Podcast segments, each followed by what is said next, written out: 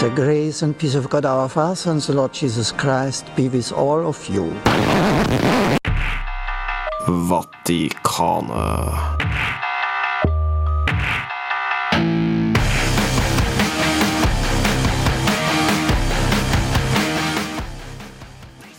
Hei og hopp, freaks and geeks. Velkommen til en veldig spesiell Vatikanet-sending. Vi skal ta for oss Freaks of Nature. Alle sendingene til Vatikanet er veldig spesielle. Det- Special. Special sending. You can join my special club. Jeg vil ha tweet. Tweet. Men uansett, denne her er litt spesiell, for det at vi skal ta for oss noe som kanskje kan være litt eh, ømt. Vi skal ta for oss folk med eh, fysiske deformiteter, vi skal ta for oss lepra, vi skal ta for oss jenter med tissevanter, og eh, selvfølgelig må vi snakke litt om PT Barnum. Ja, du, du, du, er, du er refreshingly politically correct altså, i, måten du lanserer temaet. For å kalle alle disse her freaks er jo, er jo, er jo kanskje litt feil, men det, det som kanskje er fellesbetegnelsen for deg, er at det på et eller annet tidspunkt i historien har blitt behandla som Freaks. Ja, eller som det andre som en skulle holde seg borte fra. Eller eller har- vist fram for uh, spott og spe. Eller de har valgt det selv. Det er folk som faktisk velger dette selv også, og du Karina har tatt for deg eh, bodymodding. Eh, Kan du tease dette her veldig fort? Hva er det for noe? Hvis du har lyst til å gå til det ekstreme og se ut som alt det rare, djevler. Men ja, det er mest det du vil gå ut på. Ja, djevler, tigre, eh, folk som eh, vil se ut som om de akkurat har eh, vært gjennom helvete og andre morsomme ting. Det er rett og slett liksom det ytterste av det ytterste når tatoveringer ikke holder lenger. Det og konsertpiercinger og slangetunger. Yay! Slangetunger er så ekkelt. Er så, jeg skjønner ikke helt hvorfor, sånn der, hvis du ikke skal liksom bli en mester på oralsex-type Men- ting, tenker jeg da. Og det skjønner du ikke poenget med. Ja, men unnskyld, da! Men altså, det jeg mener, det må jo være ekstremt smertefullt veldig lenge. For hvis du får et bare lite kutt på tunga, så er det så masse nerver og sånn der. At det, det gjør jo vondt dritlenge. Det er derfor de har faktisk nektet folk å gjøre det, fordi de sier at de som gjør det, har psykologiske problemer. Warning! Psycho! Sannsynligvis, ja, jeg vil vel tro det. Eh, Men eh, det ender jo med at du ødelegger en del av smaksløkene også. Jeg, jeg, jeg ser meg selv som en viss gourmet. Så jeg, jeg vil ha alle smaksløkene mine i behold, så jeg kan kjenne nyanser og slikt. Men eh, da må det jo poengteres at mesteparten av smaken sitter i nesen. Så mm, Men- det er Ja, selvfølgelig, men dette er ingen uh, gourmetsending. Dette er en Freaks of Nature-sending, og vi begynner med et smell. Her får du Sorrow med Bad Religion.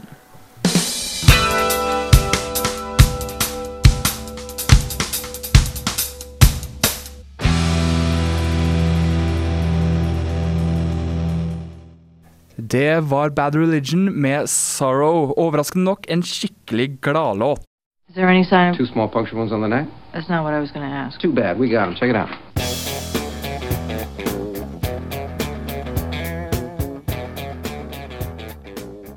Du hører på Vatikanet.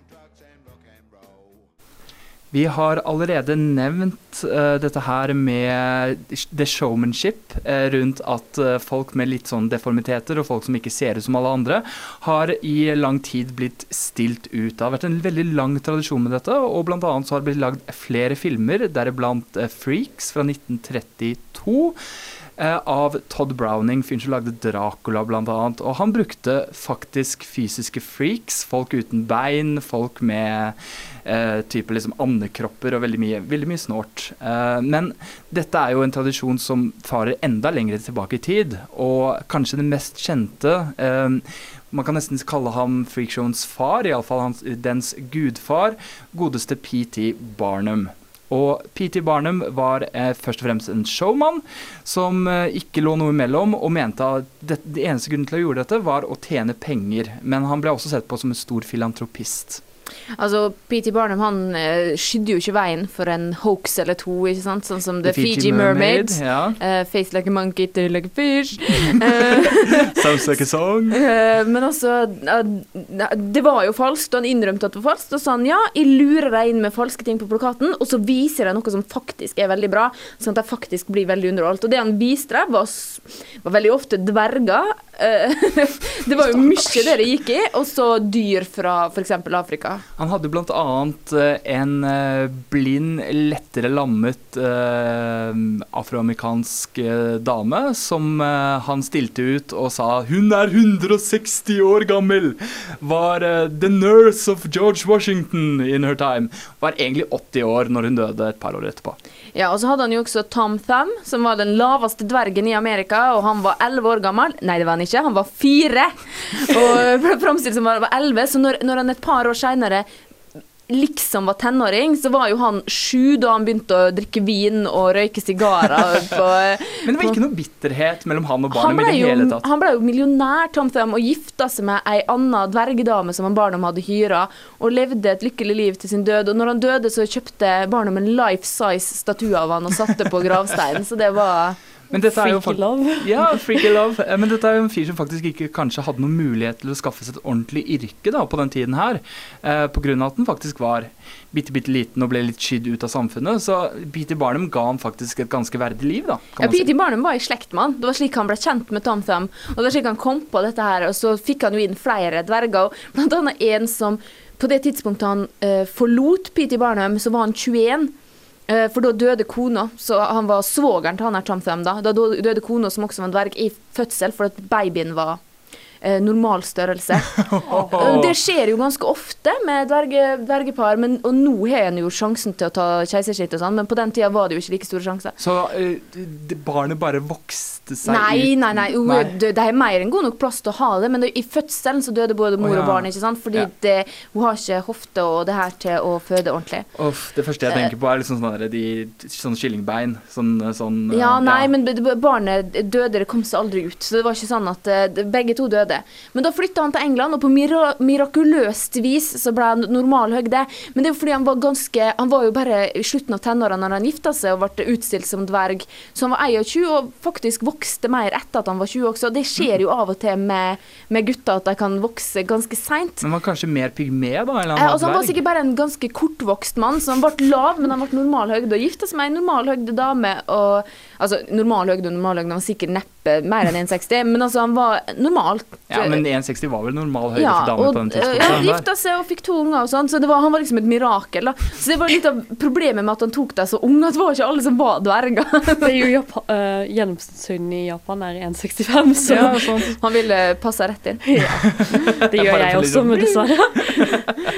Men eh, ja, Karina, du har jo tittet litt på andre typer liksom, eh, friker eh, rundt der ute. Og du, ja. du har sittet og okka deg foran PC-en i, i ti minutter nå. Ja, Hva har, har du funnet av grums der ute? Uh, en mann med to peniser. kan vi bare starte der? To peniser Ja, og jeg tre ben, tror jeg, hvis jeg ikke husker feil. Og jo, det også. Og var en Eller var det bare to ben og to penis? Ser du poenget med det, da, André? Skjønner du ikke poenget. er det sånn du svinger. Nei, nei, nei, jeg svinger godt den andre veien på skalaen. Men det sagt, eh, min generelle seksualitet er ikke i fokus nå. Det er freakshows generelt. Vi vil høre mer om den gale, gale mannen som ble drept av kona si. Å ja. Eh, det var The Lobster Boy, Gary Styles, som The Lobster Boy, skal vi se bare om jeg kan gjøre, komme med en liten forklaring. Det er basically en fyr med tre fingre, er det ikke det? ja, Istedenfor ja, eh, Han har en sykdom som gjør at han har tre fingre, og det er veldig vanskelig å behandle det på den tiden. Så han greide å skyte forloven til datter, den eldste datteren hans. Og så kom han ikke i fengsel fordi at de ikke hadde noen sted å behandle ham for det. Og etterpå så begynte han å slutte å drikke for en periode. Og så ble kona så redd, for han begynte å slå sånn, og skulle beskytte sønnen fra et eh, tidligere steg, så hun hyrte en noen til å drepe han. Eh, Seriøst, det er intriger i den verdenen Ja. der, altså. Og så Ja, har de det, det ble gjort som et Hollywood-oppslag. The lobster kill is murdered. Så har du jo liksom uh, The Wolfman. Film Ja. bare unormalt mye, mye hårvekst i ansiktet. Ja, det var flere. Det var også en uh, som ble kalt fra tyskerne i mange år som Lion Boy. Mm. Som ble funnet hvor han var fire. Du har flere av dem, og du har jo selvfølgelig Elefantmannen, som kanskje er den mest Ja. Det kan jo folk lese om Cato sitt match. Ja, hvis dere går inn på SRIB sine nettsider, så kan dere lese et veldig god artikkel om Elefantmannen av Cato Brekke, som dessverre ikke kunne være her i dag, fordi han er full på en hytte på Kvamskogen. Med Per. Ja, Vi det er lurer- freakshowet sitt. Og Erling. Vi, vi vil ikke vite hva som har skjedd der. For å si det sånn, eh, hvis dere har lyst på et eh, real time freakshow, eh, gå på Kvamskogen, finn radiohytta, og bare observer utenfra gjennom et vindu. Ta bilde av katten. ta bilde av Cato. Creepy oppfordring! En creepy oppfordring eh, følger selvfølgelig med en creepy sang fra ukas album. Her får du Wesley Wolf med 'Somewhere Someone'.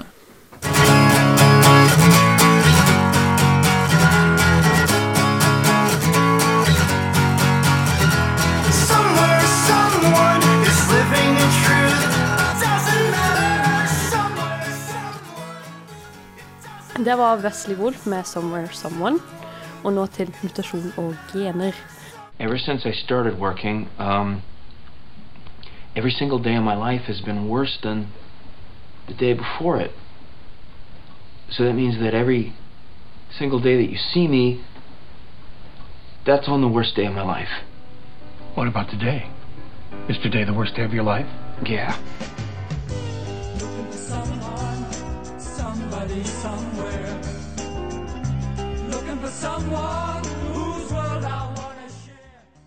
Vatikanet. En hånd å holde i. Wow, that's messed up. Ja, som eh, eh, dere hørte, så skal vi snakke om mutasjoner og genteknologi. Og det dere ikke hørte, det var det kviskeret som gikk gjennom studiet rett etterpå, der bare av X-Men. Yes! Så ideen er jo da at eh, ok, eh, eh, før eller siden så kommer vi til å mutere oss videre, for vi har kommet lang vei på de jeg vet ikke hvor mange tusen år vi har vært her.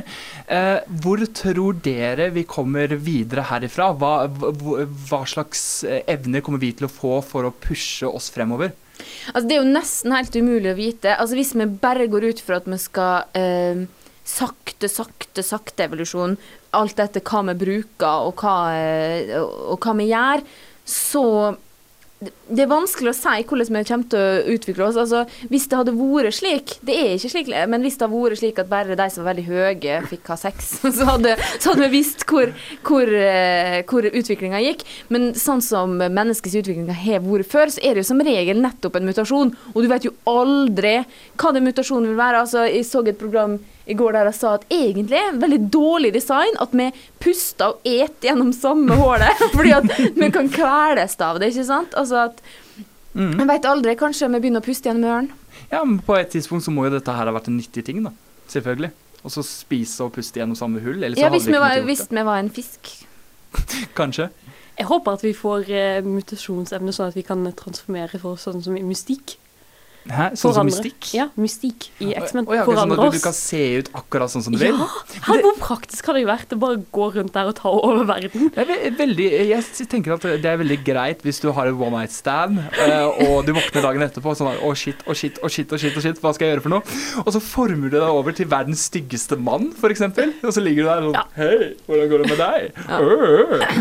Og så- Nå kunne jeg vært veldig slem og sagt, sagt at det er et problem du aldri ville få. Det hallo, no, jeg er no Norges Brad Pitt. needed, Men eh, det hadde jo vært gøy å være Magnito, da. Bare styre alt med hjernen. Styre jern med hjernen, Ja. selvfølgelig. Nei. Eh, og liksom formet Og- jern til ting.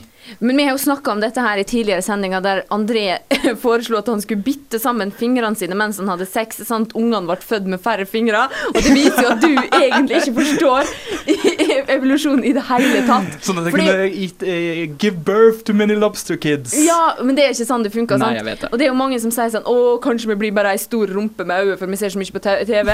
Men det er ikke sånn det funker, for det faktum at vi ser mye på TV, endrer jo ikke genene våre på noen måte.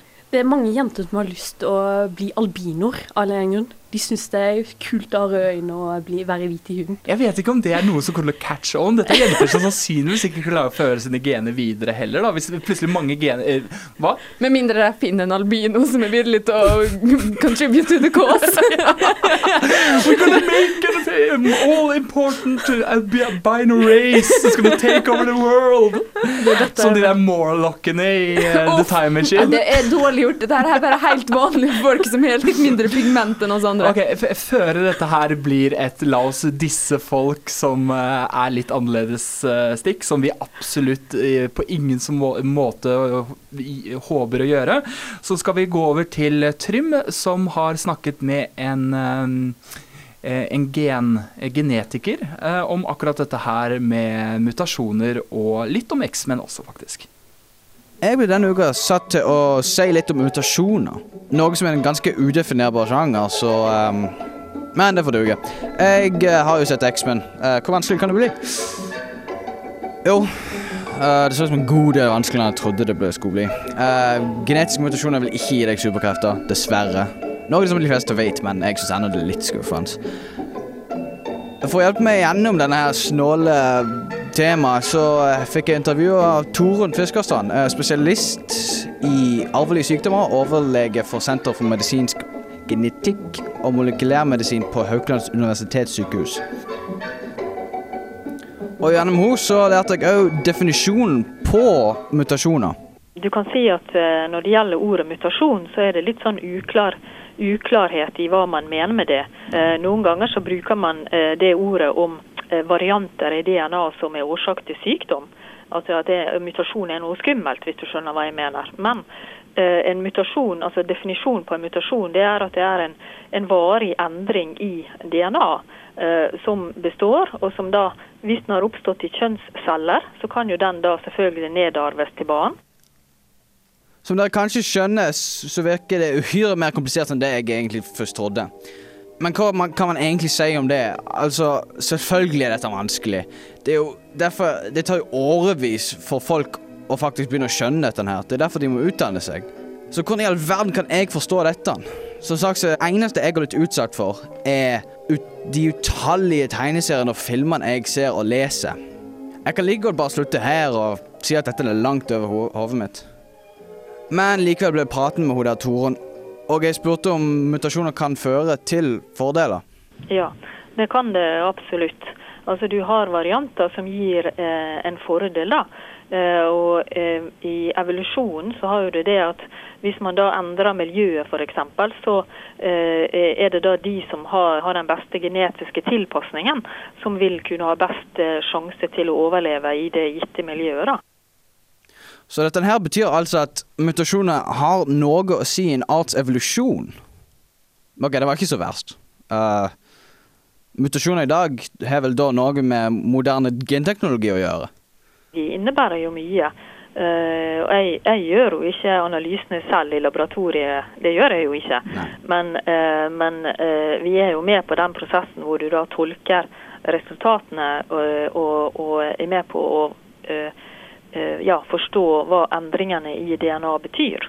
Eh, så, så svaret er vel egentlig ja. At du jobber med genteknologi. Om jeg husker naturfaget mitt riktig, kan man bruke denne slags teknologi til å dele og rekombinere DNA? Er ikke det sant? Det kan du gjøre. Du kan kutte opp DNA-tråden. Eh, Du kan også lime den sammen igjen. Eh, DNA er jo dobbelttrådig, ikke sant? slik at du kan smelte de to trådene fra hverandre. Eh, Og så kan du også da lage små eh, DNA-biter som kan lime seg til sin komplementære tråd i pasienten sitt DNA. En primer kaller vi gjerne det. Og Disse primerne kan binde seg til DNA-tråden, og så kan du da imellom det området der to slike primere binder seg, så kan du da få, få det, akkurat det området mangfoldiggjort i millionvis av kopier. Og Det eh, kalles for en PCR-reaksjon. Og PCR her har jo da på en måte lagt grunnlaget for at du kan gjøre gentesting av kjente mutasjoner, f.eks. i visse gener. Jeg skjønte da på dette tidspunktet at det høres ganske kult ut, egentlig. Det betyr jo at man kan spleise mennesker med flyndre, altså i teorien. Moderne genteknologi bruker man jo eh, for å eh, hva skal jeg si, forbedre naturen. da. Eh, før så når det, gjelder eh, eh, innenfor landbruket f.eks., så har man jo alltid prøvd å avle frem mer eh, mot eh, altså arter som er mer robuste. eh, som gir større avling eh, og sånne type ting. Ok, så ingen fly- Men vi må jo starte et eller annet sted. For å oppsummere så er mutasjoner ikke som i X-Men, og så kan jeg ingenting om genetikk. Og eh, så må jeg vel si unnskyld til Toren Fiskerstrand for uh, hele intervjuet. Og det var Trym, som er veldig trist for det at eh, man ikke kan få Wolverine-klør eller eh, Angel-vinger. Og jeg syns også det er litt trist, men man kan jo alltids håpe at en eller annen gang i fremtiden Her skal vi ha en sang om en honey bunny, og hvem vet, kanskje man muterer inn til en kanin som har lyst på veldig mye honning. Hvem vet?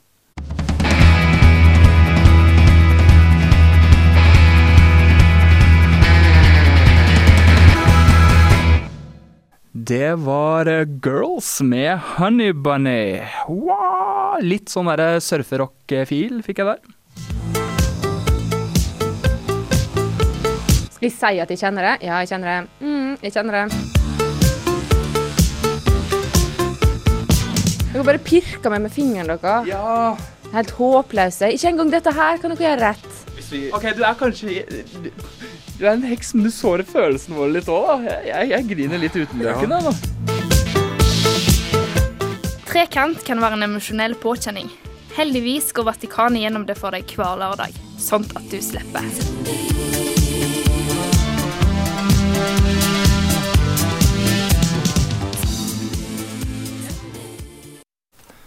Vi skal over til en mye mer vanlig eh, mutasjon. Vi har vært litt innom X-Men, det skjer ikke. Men du kan våkne en dag med en penis. Eller du kan bli Nei, født med det en kan penis. du ikke. Dette her er helt Du kan bli født med en penis selv om du er en dame.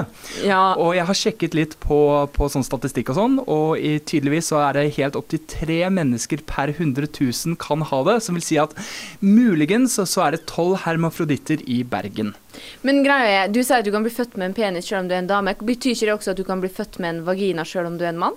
Jeg, jeg tror ikke det funker på den måten. Ikke, men er ikke det det samme, da? Altså, det er jo mange som, som argumenterer at de skal få velge sjøl hva kjønn de føler de hører til. sant? Jo, jo, men dette er liksom eh, folk som er født med bryster og peniser, eksempel. Eller utvikler bryster eh, i løpet av eh, en Mm, tid ja. og får en sånn kvinnelig kropp, men likevel har en penis. Dette har blitt veldig populært i Japan. Yay. Ja, selvfølgelig har det det. det er Hva er mange, ikke mange, populært? mange fiction om uh, dette her, i hvert fall i hentai-verden. Men jeg skal fortelle noe som er virkelig freaky, er jo at uh, på hva, 60-tallet, 50-60-tallet, borti USA, så mente forskerne at det var det du oppdrog barnet som som var viktig, ikke kjønnet når det var født. Sånn at det var en gutt som fikk litt for mye kappa av under en omskjæring. Og da bare fjerna de alt og sa til foreldra at hun kan bare oppdra han som jente, det kommer til å gå helt fint. Det gjorde du ikke. Det gjorde de jo naturligvis ikke. Når han kom i tenåra så ble han jo helt forvirra, for han begynte jo å få altså, han, han følte seg som en mann inni, inni seg. Så, det, så det, det har vært mye ymse på dette her forskningsfeltet altså, når det gjelder teorier. Mm.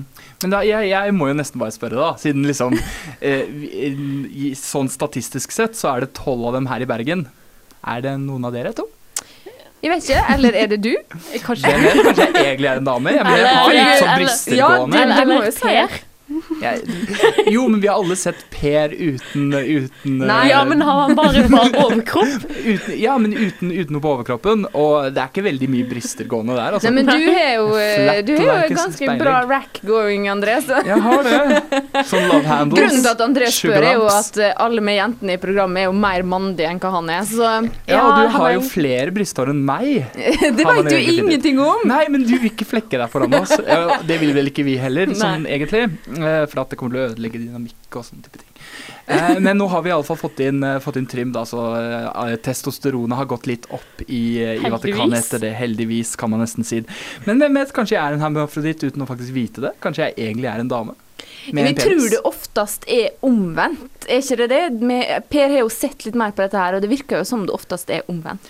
Hva, vi, vi må nesten bare spørre Per. Per har eh, lagd et innslag om hermafroditter, og, eller hermafrodittisme, som er det korrekte uttrykket, tydeligvis. Det korrekte uttrykket, tror jeg, og det kommer Per til å backe meg opp på om en liten stund, er intersex.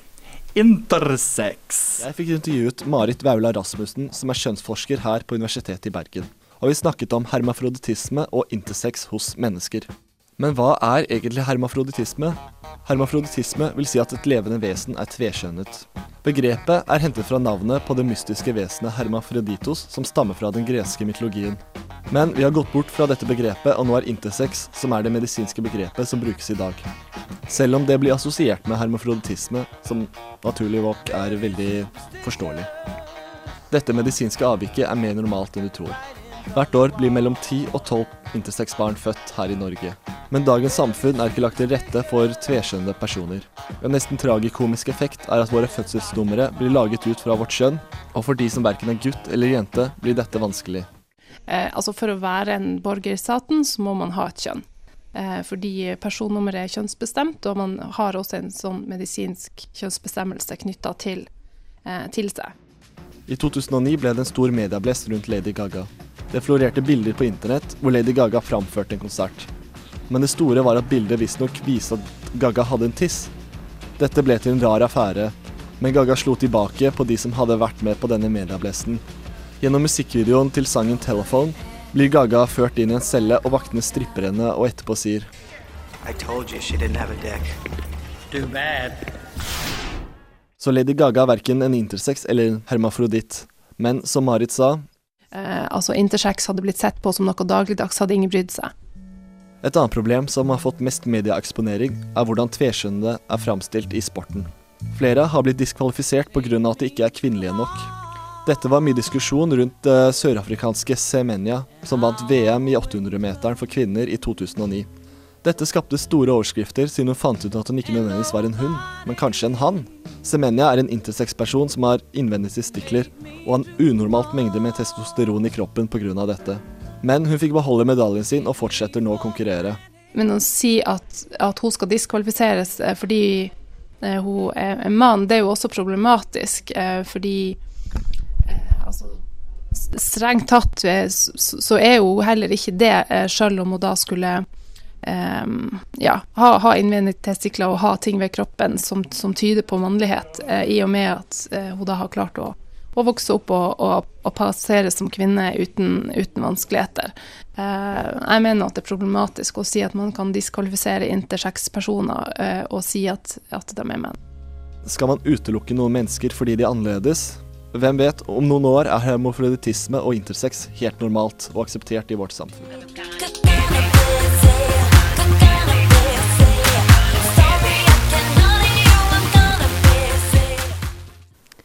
Det var Per Sunde det, som hadde sett mer på hermafroditisme, eller intersex, som en, skulle, som en skulle kalle det. Og nå skal vi høre The Bloody Hollies med You're So Cold.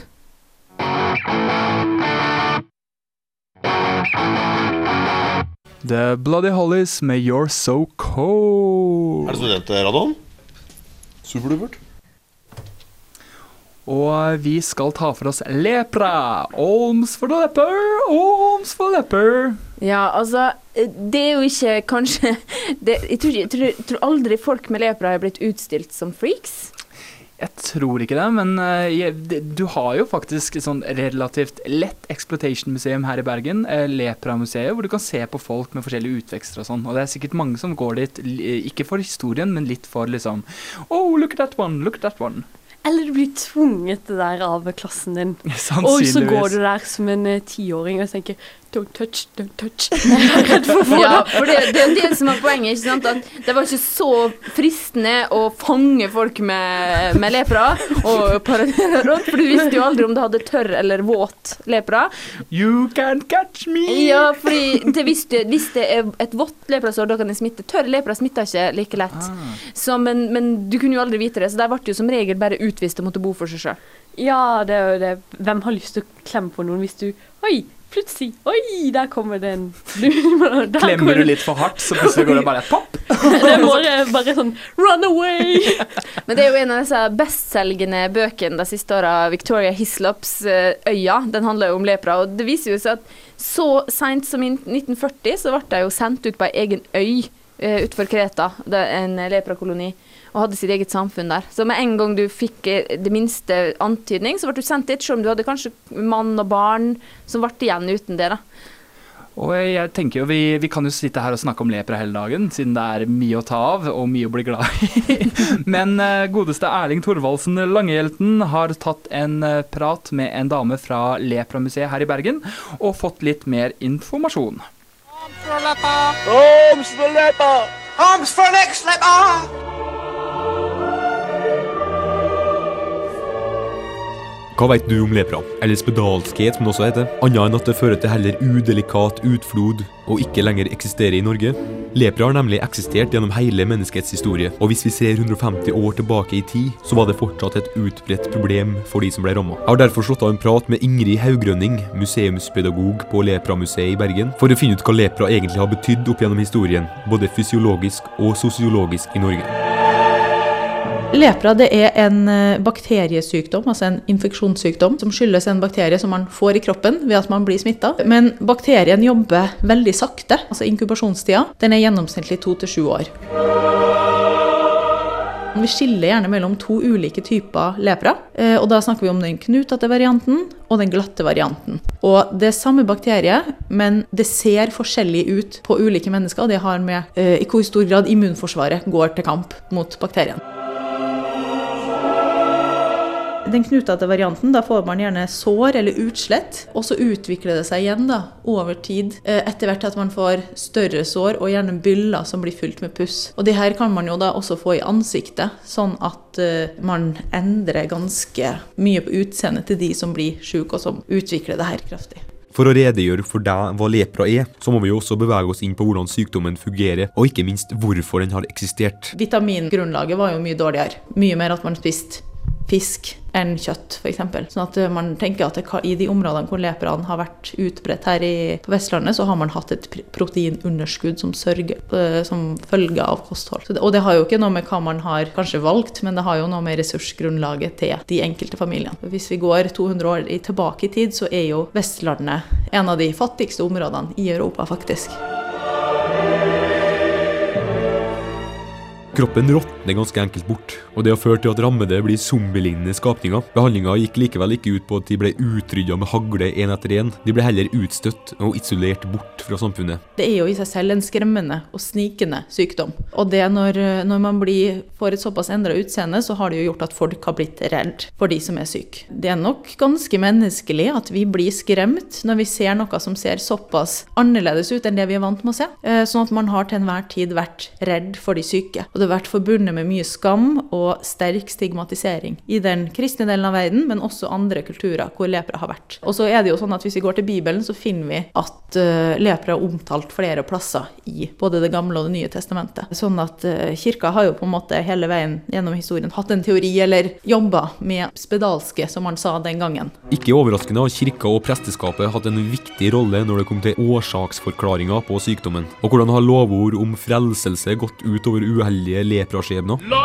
donna è mobile, qual al vento, Altså Ifølge det her i Mosebøkene så står det at man skal rense, eh, sånn at det er forbundet med urenhet. Og, og det her med ureine, det er jo noe som er forbundet med det onde, og det gjerne overnaturlige, det skumle. Eh, For det er noe som menneskene da ikke helt har forstått.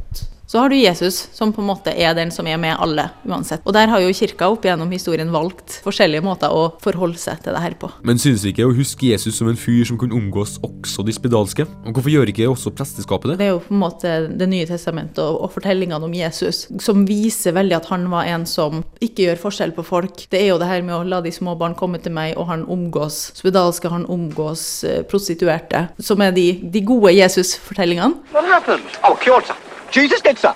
I was hopping along, minding my own business. All of a sudden, up he comes, cures me. One minute I'm a leper with a trade, next minute my livelihood's gone. Not so much as a by your leave. You're cured, mate. Jesus forsto ting som ikke vanlige dødelige forsto. Han var jo tross alt Guds sønn. Gjør mot andre som du vil at andre skal gjøre mot deg. Så lenge det ikke fører til radikal utseendeforvandling som følge av lepra, er det jo en grei huskeregel. For det finnes da rundt 10 millioner mennesker i verden som lever med konsekvensene av lepra. Mange av dem vil i prinsippet være friske, men de har gjerne eh, symptomer, altså synlige skader eh, på hender og i ansiktet, som gjør at andre vil se at de har hatt lepra, og dermed vil nekte å ha noen ting med dem å gjøre. Ingen som vil ansett noen som har hatt lepra. Religion har nok uh, vært med, med på det, men jeg vil ikke knytte til én bestemt religion, for det her er sånn som man ser i mange ulike kulturer. Så det har uh, rett og slett med det å gjøre at vi er, vi er redd for det ukjente. Uh, Og når vi blir redd, så reagerer vi veldig gjerne med hat. Det er på en måte en, en veldig naturlig reaksjon på, på frykt. Frykt og hat for ting man ikke forstår, har eksistert gjennom hele menneskets historie, og det er kanskje et sunnhetstegn. Hatet som før var retta mot de frykta spedalske, kan derfor hevdes å fortsatt eksistere i dagens samfunn, bare retta mot andre grupper, som f.eks. den frysninga som iser ned ryggen på oss når vi ser narkomane, eller hatet som mange nære til romfolket. Det kan hevdes å være hat basert på fordommer, men samtidig er det unektelig et instinkt å unngå ting som kan skade oss, om det så måtte være spedalske, narkomane eller psykotiske uteliggere. Jesusidealet fungerer kanskje ikke like knirkefritt i et samfunn hvor frykt er like gjensidig som hat. Det var Erling Thorvaldsen Langhjelten som hadde laga et innslag om spedalske fordommer.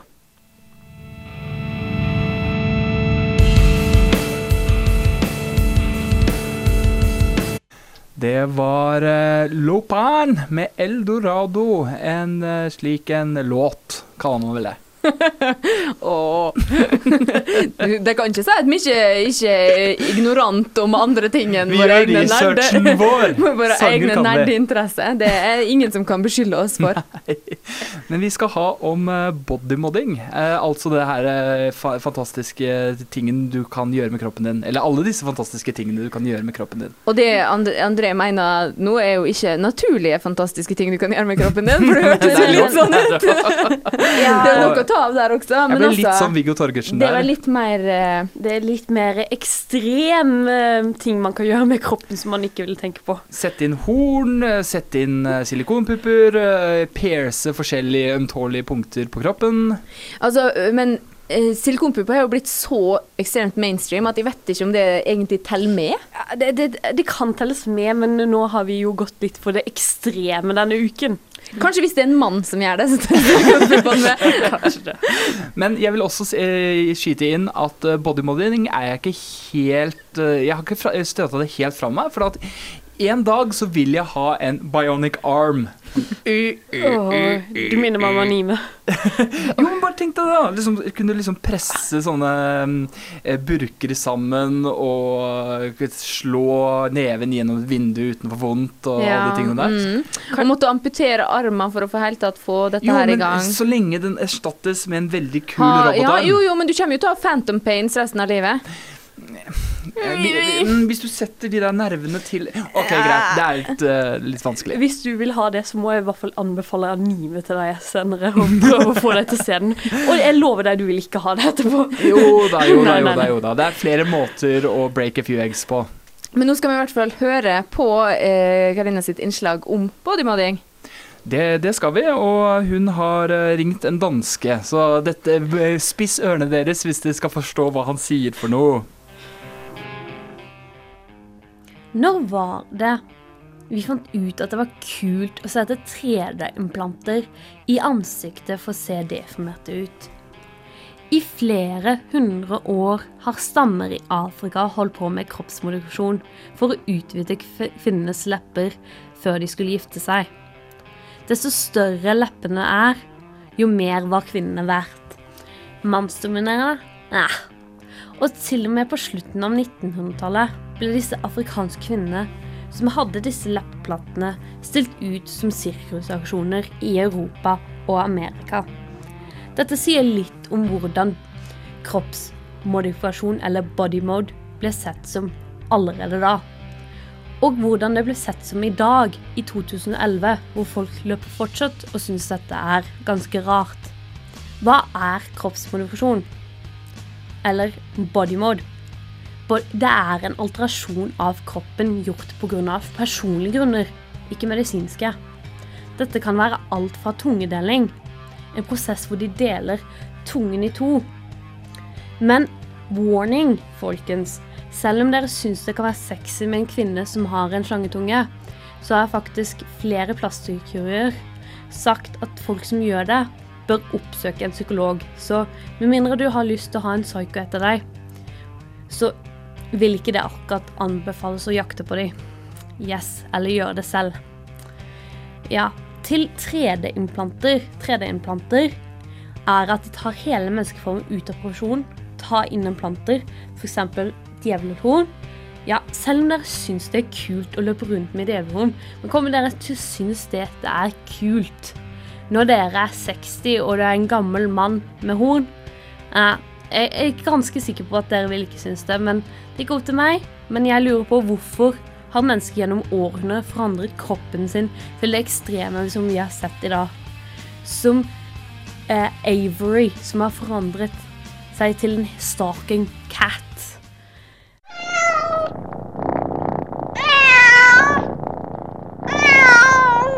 Jeg har tatt en prat med Mark Møller, profesjonell perser fra København Body Extreme, og spurte hvordan det har blitt populært med mennesker som går til det ekstreme når det gjelder body modification, og om dette er en form for selvuttrykkelse. La oss høre hva han sier. Uh, I was wondering, do you know why, or do you know reason why this has become so popular the last years? Depending, again, that's something that differs from person to person, but um, it's a trend like anything else. Uh, it's a way to express yourself. It's a way to remember certain uh, times of your life. Uh, it can be a memorable thing to get done. It can be purely out of uh, your vision of beauty. Ja, så det høres litt for bra ut for å være sant at det er ingenting som er farlig med å stikke fremmed objekt inn i kroppen til folk. Og det er ikke her André skal tenke Hei, dette hadde vært kult med djevelhorn. Eller hvor Trym skal komme Hæ, jeg har lyst til å se ut som en superhelt. Yes. Nå skal dere bli creeped out av Mark, med den som forteller alle de helserisikoene hvor det kommer til body modification. Well, everything is risky, so to speak, because uh, you can't make a wound in the body without that, uh, the whole risk of infection figuring. Um, so there will always be a risk when you puncture the skin, and then depend on the person you're doing it on to actually heal it up successfully. So there will always be a risk. Um, and again, extreme is individually. Anything you would say to or recommend people that are wondering about getting a modification or piercing or tattoo? Mm, think about it. Think it through. Uh, don't hesitate anything. Um, you want to be sure that it's something you want to get done and you want to live with for a long time. Uh, a wound in your body is something you have to take care about, uh, and this is a wound that you actually cho- haven't chosen to do yourself, so to speak. Uh, you're actually doing the damage to yourself, so to speak, and you have to heal this damage up. Um, so you have to prepare for it, and you have to think about what you're doing to yourself. Mark, thank you. You're thank you for very much for um, letting me interview you. You're, you're welcome. Det var Karina Stersel som hadde ringt det eksotiske landet Danmark og snakka med en bodymodder. Her får du Mr. Dream med moneybags. Moneybags, faktisk. Moneybags. Pengesekker. Eh, Det var Mr. Dream med Moneybags. Eh, Det var alt vi rakk for denne gang. Beautiful friend. This is the end. My only friend, the end.